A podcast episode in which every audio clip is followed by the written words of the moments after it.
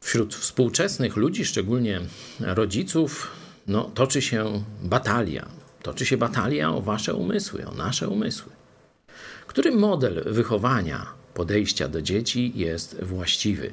Czy ten tradycyjny, biblijny, ten, który nasi dziadowie, pradziadowie, mniej więcej związany z dyscypliną, z wymaganiem, z pewnymi zasadami, których dziecko musi się nauczyć przestrzegać, czy też takie e, dzisiaj współczesne te trendy, że dziecko jest pępkiem świata, że trzeba mu tam ustępować, wszystko dawać, żadnej e, kar, żadnych kar fizycznych, dyscypliny, nie można nic wymagać, że wszystko co zrobi trzeba chwalić, jest piękne i tak dalej. Ja tak oczywiście zarysowuję te dwa modele grubą kreską. Nie chcę chcę teraz e, oceniać na podstawie Biblii czy jakichś tam wypowiedzi specjalistów, ale chciałbym, żebyście ocenili to po owocach.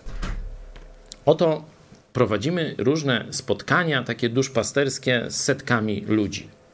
Są to ludzie zarówno młodzi, jak i starzy. I mamy pewną, tu Radek, który się zajmuje, pastor Kopeć, który zajmuje się szczególnie tym w naszym kościele, taką obserwację. Przychodzą ludzi starzy, czy tam powiedzmy starzy, no tacy jak ja, nie? I y, mają masę problemów. Ale to jest nic w porównaniu z problemami, jakie ma młode pokolenie. Przychodzą z problemami ludzie starsi, ale trzymali się przez życie pewnych zasad. Teraz przychodzą do Chrystusa nie mają całego życia poszatkowanego i zmarnowanego, bo jakichś tam zasad przestrzegali, mniej lub bardziej.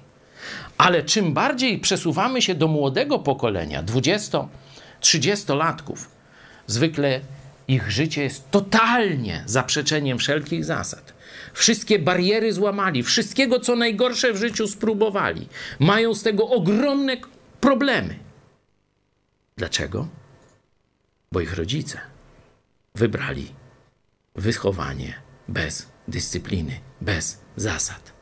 To teraz mamy pokolenie, które wyje i woła o ratunek, ale tam niczego dobrego nawet nie ma na czym budować w ich życiu.